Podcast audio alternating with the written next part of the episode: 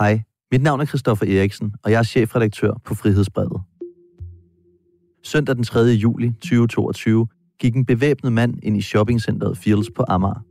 Med en riffel dræbte han tre mennesker og sårede flere. Men hvem er han? Hvorfor gjorde han det? Og kunne man have stoppet ham? Lyt med, når vi her på Frihedsbrevet i samarbejde med TV2 kan afsløre nye oplysninger om skyderiet i Fields og om den formodede gerningsmand. Lyt til første episode helt gratis her, og hør den næste i Frihedsbredets app, hvor resten af serien også vil udkomme. Vi skal advare om, at den følgende fortælling indeholder scener med ekstrem vold, selvskade, drab og selvmord. Er du selv i krise og har selvmordstanker, kan du ringe til Livslinjen på telefon 70 201 201. Er det akut, skal du ringe 112. Du kan finde mere information på selvmordsforbyggelse.dk. Det vi ved på nuværende tidspunkt, det er, at øh, omkring klokken halv seks i dag får Københavns politi en anmeldelse om, at der er skyderi ude ved Fields ude på Amager. Danish police say several people have been hit with gunshots at a shooting in a shopping mall in Copenhagen. We begin with breaking news from Denmark, where police have arrested one person in connection with a shooting in the capital, Copenhagen. Der er flere til skadekommende, og det vi også ved nu, det er, at der er flere dræbte.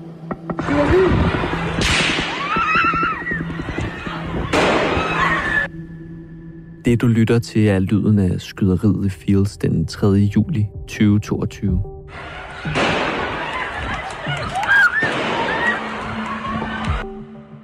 Nogle begivenheder sætter sig fast i bevidstheden hos de fleste mennesker. Skyderiet i Fields var en af dem. Et skyderi i et shoppingcenter, hvor tilfældige mennesker dør, er noget, vi forbinder med USA eller andre lande. Men nu sker det her. We start tonight with a major shooting incident which happened earlier this evening in the Danish capital, Copenhagen.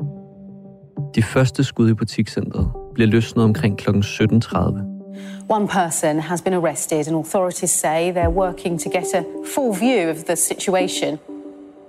Få timer senere løber alverdens teorier om gerningsmanden og hans motiver løbsk på sociale medier. Der render sådan, ja, politi rundt i sikkerhedsveste derinde. Og så bliver der affyret 3-4 skud. Er der én gerningsmand? Er der flere? Har vi at gøre med den mistænkte, som vi har pågrebet alene, eller er det noget, øh, der er lavet i forening med andre? Er det et terrorangreb? Vi efterforsker det her som en hændelse, hvor vi ikke kan afvise, det er terror. Nogle spekulerer hurtigt i, at det kan være en racistisk motiveret hate crime. Omvendt spekulerer andre i, om det kan være et islamistisk angreb.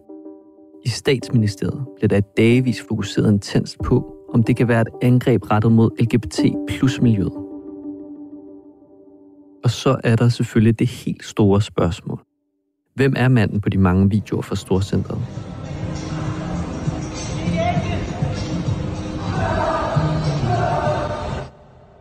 Og hvordan er det dog gået så galt, at han den søndag er gået ind gennem svingdøren i et shoppingcenter på Amager med to skydevåben og en kniv, for at ende med at skyde og dræbe tre tilfældige mennesker og såre syv. Det spørgsmål har Frihedsbrevet siden den 3. juli i samarbejde med TV2 arbejdet på at besvare. Og gennem talrige kilder tæt på sagen, kan vi nu i denne podcast-serie løfte sløret for en lang række opsigtsvækkende nye detaljer om den mand, der sidder varetægtsfængslet for det voldsomme skyderi. Oplysninger, der beskriver, at han har råbt om hjælp, men blev afvist i et specialiseret tilbud i psykiatrien. Vi ved jo også, at han har fortalt om fantasier, og måske de noget, der kunne være hallucinationer om at slå folk ihjel. Og noget tyder på, at den formodede gerningsmand selv mener, at der er noget galt i netop det system, som han var i op til skyderiet. Han har et klart ønske om, at tingene i psykiatrien skal gøres bedre. Vores oplysninger afslører, at han var direkte inspireret af en amerikansk YouTuber, der begik selvmord efter at have stået bag et masseskyderi. Obviously, I'll have followers after this. There'll be people who get inspired by what I did to do something of their own. Nogle af oplysningerne er fortrolige. Nogle af dem er personlige. Men vi bringer dem for at kunne komme tættere på at besvare de vigtige spørgsmål, der stadig blaffer i vinden. Hvem er den formodede gerningsmand? Hvordan gjorde han? Hvad gik forud for skyderiet? Kunne man have stoppet ham? Og så selvfølgelig det store komplicerede spørgsmål. Hvorfor gjorde han det? at han er min ven trods alt. Hvis en ting, så ville jeg aldrig have troet, det ville være ham, der skulle gøre det. Du lytter til podcastserien Fields 3. juli. Mit navn er Magnus Mio, og jeg er undersøgende journalist her på Frihedsbred. Og inden vi når til de nye oplysninger om hændelsen i Fields, er vi nødt til at genbesøge de 13 minutter, der rystede Danmark. De 13 minutter, der gik fra alarmcentralen modtog det første opkald om skud i shoppingcentret, til den 22-årige mand var anholdt.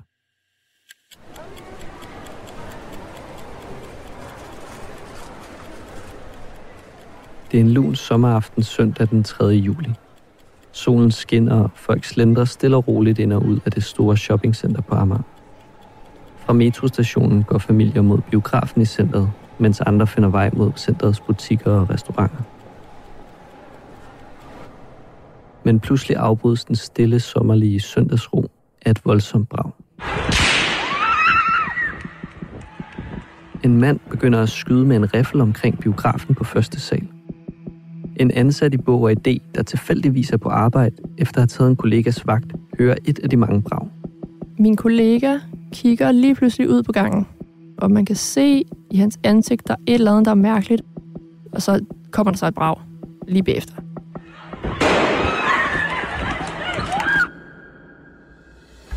Imens er en familiefar, der er i biografen med sin 12-årige datter, i gang med at handle slik til den film, som de skal se. Så lige pludselig opdager jeg, at der er en person, der kommer mod mig med en gevær i hånden, og sigter direkte mod mig, altså og så affyrer. Og så tror jeg, jeg besvimmer i sådan cirka 30 sekunder eller sådan noget lignende. Så mærker jeg på mig selv, hvor jeg er ramt. Jeg kan konstatere, at det var min højre arm.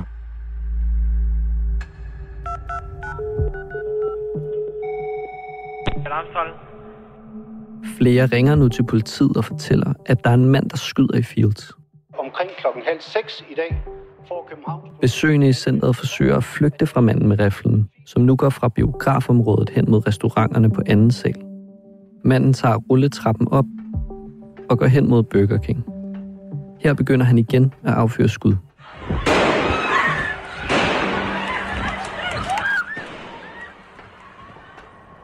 Et andet skud rammer en svensk mand foran en af restauranterne.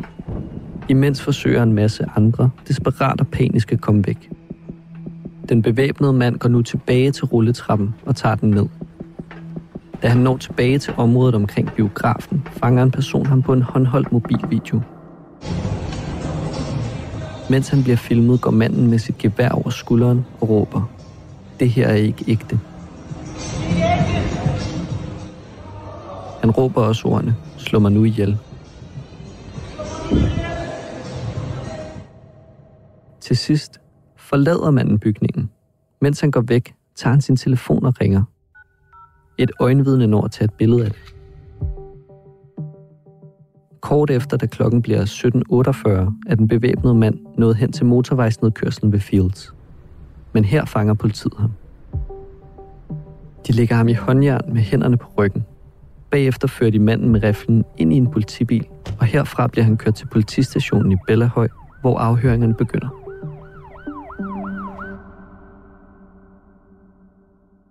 Og nu er vi altså tilbage i det tidsrum, hvor de mange spekulationer om gerningsmanden løber afsted. For at genskabe forløbet har vi på frihedsbredet talt med en lang række kilder, som enten oplevede skyderiet helt tæt på, eller som på andre måder har været involveret i hændelsen. Derfor har vi også fundet ud af, at den 22-årige formodet gerningsmand efter anholdelsen forklarede til politiet, at der under selve skyderiet var en person i Fields, der råbte til ham. Personen skulle have råbt, hvad laver du? Det her er den virkelige verden. Og den formodede gerningsmand forklarede, at det var lige præcis den sætning, der fik ham til at stoppe med at skyde, fordi det vækkede det, som manden beskriver som sin almindelige personlighed. Vi har her på Frihedsbrevet også fundet ud af, at politiet efter skyderiet fandt ikke afskudte patronhylstre i Fields. Og det kan tyde på, at det våben, som den sigtede brugte, havde en form for funktionsfejl. En fejl, der kan have betydning for, hvor mange der endte med at blive skudt og dræbt den 3. juli. Efter skyderiet er det også kommet frem, at den formodede gerningsmand, ud over en riffel, havde medbragt en pistol og en kniv. og at der blev fundet to magasiner med ammunition på ham. Har vi at gøre med den mistænkte, som vi har pågrebet alene, eller er det noget, der er lavet i forening med andre? Vi skal tilbage til timerne lige efter skyderiet, for på det her tidspunkt spekulerer politiet stadig i, om der kunne være flere gerningsmænd involveret. Og deres mistanke i gang sætter det, som man kalder manhunt-konceptet. Et alvorligt beredskab beregnet til terrorangreb og anden alvorlig kriminalitet, hvor farlige personer fortsat er på fri fod. Vi har sat manhunt i gang. Vi har vores plansæt, som dækker både København, men også hele Sjælland. Og deres spekulationer antændes faktisk af en video, som politiet modtager, og som bliver sendt rundt til samtlige politikredse i Danmark. Præcis hvad der er på den her video, det ved vi ikke, men det skulle indikere, at der var flere gerningsmænd ved Fields.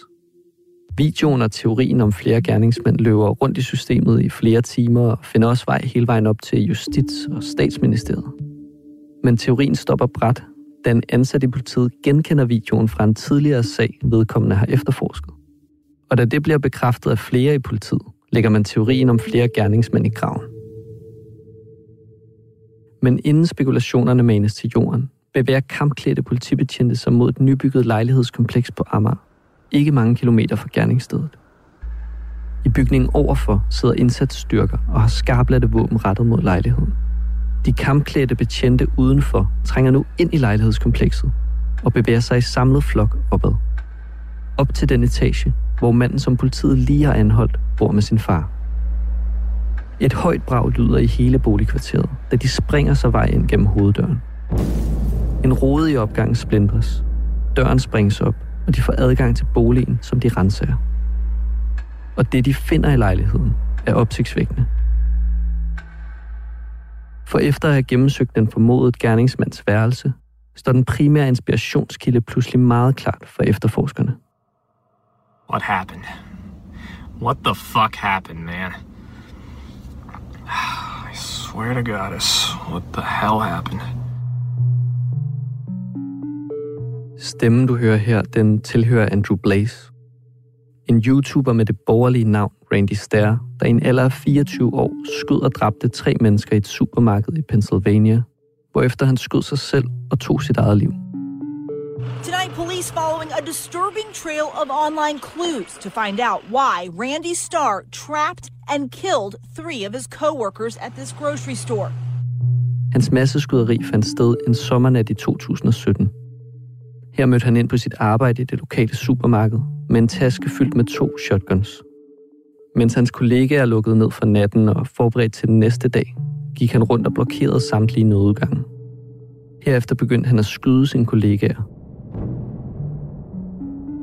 Han dræbte tre, mens en fjerde kollega undslap og ringede til politiet. Men inden de kunne nå at stoppe ham, skød han sig selv med den samme shotgun, som han havde brugt til at slå sine kollegaer ihjel med. Men angrebet kom ikke ud af det blå. YouTuberen, som dengang boede sammen med sine forældre i en lille amerikansk forstad, havde nemlig planlagt skyderiet over flere år. Til sine flere tusind følgere på YouTube udgav han i årvis en lang række videoer, flere af dem med spor om hans planer om masseskyderiet. But I doubt any of you knew how depressed I was. And probably now, if you just sit there and look back and think about it, you'll probably be like, I don't know how I didn't see it. Der var altså til syneladende mange tegn på, at noget var under opsejling, men ingen greb ind. Og der er en særlig grund til, at du hører Andrew Blaze stemme lige nu. Vores research viser nemlig, at den formodede gerningsmand fra fieldskyderiet var inspireret af den amerikanske YouTuber. I forbindelse med rensagningen af den sigtede bopæl på Amager i København, stod efterforskerne nemlig på papir, hvor den 22-årige fængslede dansker beskriver sin fascination af Andrew Blaze, og at han er inspireret af ham. Andrew Blaze er derfor det første af en række forskellige spor, som vi vil følge for at blive klogere på, hvad der egentlig lå bag skyderiet i Fields. Dykker man ned i historien om Andrew Blaze, er der en række slående ligheder mellem netop hans masseskyderi og angrebet i Fields. Udover det mest indlysende, og måske også tilfældige, nemlig at der i begge skyderier blev dræbt tre personer, er der andre opsigtsvækkende fællestræk. For det første kan vi nu fortælle, at de begge forfattede en form for drejebog og manifest. Andrew Blaze han gør det på den måde, at han forud for sit angreb optager en række videoer, som han giver titlen Suicide Tapes. Videoer, som han sammen med sin dagbog og andet materiale udgiver på aftenen af skyderiet. So, this is surreal right now, but I can't believe I'm saying this, but I think this is going to be my last video. This is it. The last one. I videoerne ser man ham tale direkte ind i kameraet. Han forklarer præcis, hvad han vil gøre, og beskriver det langstrakte forløb, der ledte op til skyderiet. Whether you believe that or not, these people that I was about to, that I'm about to kill, they're part of the soul contract as well. This was their, this was their destiny. This was their fate. This is what I had to do. This is what had to happen to them. I det beskriver han også sit had til verden. I hate everything. Everybody pisses me off. I just want to be left alone. I want to kill people. Og han er til synlædende ikke alene om at have omverdenen og lave en form for manifest. Ifølge flere af hinanden uafhængige kilder finder politiet nemlig en USB-nøgle i forbindelse med efterforskningen af den sigtede i Fields-skyderiet. På USB-nøglen ligger en video. En video, som ikke er blevet udgivet på nettet eller har nået offentlighedens kendskab. Før nu. Videoen er ifølge kilderne en enetale fra den formodede fieldskærningsmand, hvor han beskriver, hvor meget han hader verden og at han er psykopat.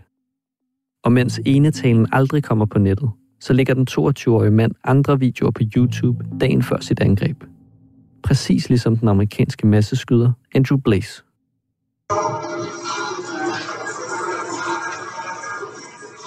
I alt lægger han fire videoer op. I en af dem ser man ham knæle på gulvet af, hvad der ligner et værelse med et hvidt skrivebord og en computer i baggrunden. I hænderne har han en riffel, som han peger mod panden, mens han kigger direkte ind i kameraet. I baggrunden kører der stille musik afspillet fra YouTube, og han skifter i løbet af videoerne flere gange stilling, nærmest poserende. Den 22-årige mand siger ikke et ord i videoerne, men kigger blot mod kameraet, mens han holder våbnet mod sin tænding. I en anden video poserer han med en ældre pistol, som han stikker ind i munden og presser op mod tændingen og sin nakke. I den video har han en sort vest på, som ligner den gerningsmand fra videoerne i Fields har på. Videoerne er som fortalt uploadet til YouTube dagen inden skyderiet i Fields. Alle med den samme titel. I don't care. Udover videoerne opdaterer den 22-årige mand også tre playlister, som han havde liggende på sin YouTube-kanal. Playlister med titlerne Feeling Sad, Killer Music og Last Thing to Listen to.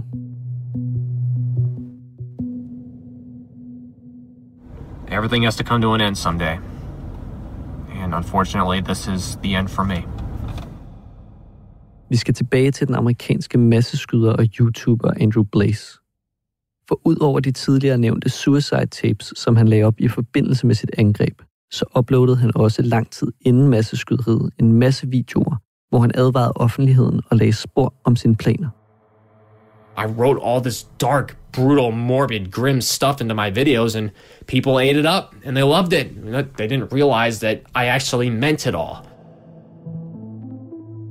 Han talte også om sin fascination af gerningsmændene bag Columbine-massakren, og var ofte iført den samme trøje, som netop en af gerningsmændene bag skoleskyderiet havde på. I sine sidste videoer beskriver Andrew Blaze derfor også sin frustration over, at ingen så skyderiet komme, fordi det ifølge ham var så tydeligt, at det ville ske. Eric Harris had a white t-shirt, black text, natural selection. And I bought fucking three of them. Yet none of you knew what it meant, which blew my mind. I didn't want to tell you that. So I kept that under wraps. Om den formodede gerningsmand fra Fields-skyderiet havde samme frustration, ved vi på nuværende tidspunkt ikke. Men vi ved, at han flere gange forsøgte at få hjælp. En anden lighed mellem de to masseskyderier er, at gerningsmændene havde mere end ét skydevåben med sig. Og lige netop det her med at benytte sig af flere våben, fortæller Andrew Blaze meget nøje om i de videoer og dagbøger, som han optog inden skyderiet i Pennsylvania. I need to have a second one as a backup because the thing is, when you do something like this, here's a little tip from me have a backup shotgun or a secondary weapon. Doesn't matter what. As long as it can fucking kill somebody, have a backup. Her fortæller han, hvordan han først tog med sin mor ud for at købe en shotgun, og han skrev efterfølgende i sin dagbog, at hun dermed havde underskrevet hans dødsdom. Holy shit! Oh my god! Oh. wow! Crap! Bagefter anskaffer han sig endnu en shotgun. En fuldstændig identisk shotgun. I tilfælde af, at der skulle opstå problemer med et af våbnene under skyderiet. Han ankommer derfor til gerningsstedet med to våben i en taske. Og også under fieldskyderiet havde gerningsmanden flere skydevåben. Her var der tale om en pistol og en rifle af typen Sauer 200, som ofte bruges til præcisionsskydning. Begge bar han i en våbenkasse, da han ankom til storcentret. Præcis hvor han havde våbne fra, har indtil nu været uvist. Men nu kan vi på frihedsbrevet afsløre, at begge våben tilhørte den formodede gerningsmands far, og at våbne var taget fra farens våbenskab. Formentlig det samme våbenskab, som kan ses i baggrunden på en af de videoer, som den 22-årige uploadede til YouTube kort før angrebet.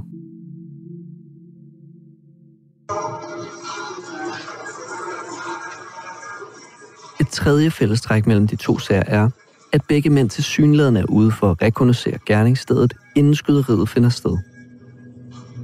I materialet, som Andrew Blaze uploader kort tid inden skyderiet, er der nemlig en video, hvor han går ned ad gangene i det supermarked, hvor han ender med at skyde og dræbe sine kollegaer.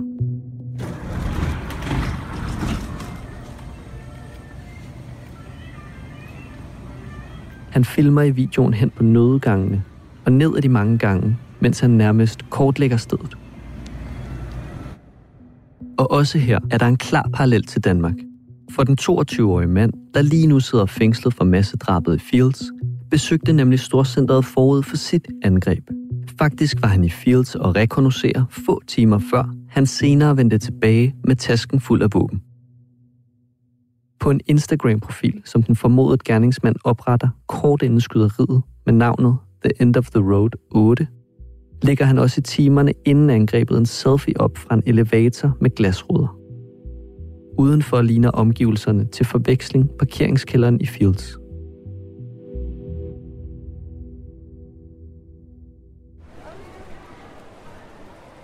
Få timer senere vender manden altså tilbage til storcentret ført shorts og en vest, bevæbnet med to skydevåben og en kniv. Han åbner ild mod helt tilfældige danskere, der den søndag er i biografen, på arbejde eller ude at shoppe.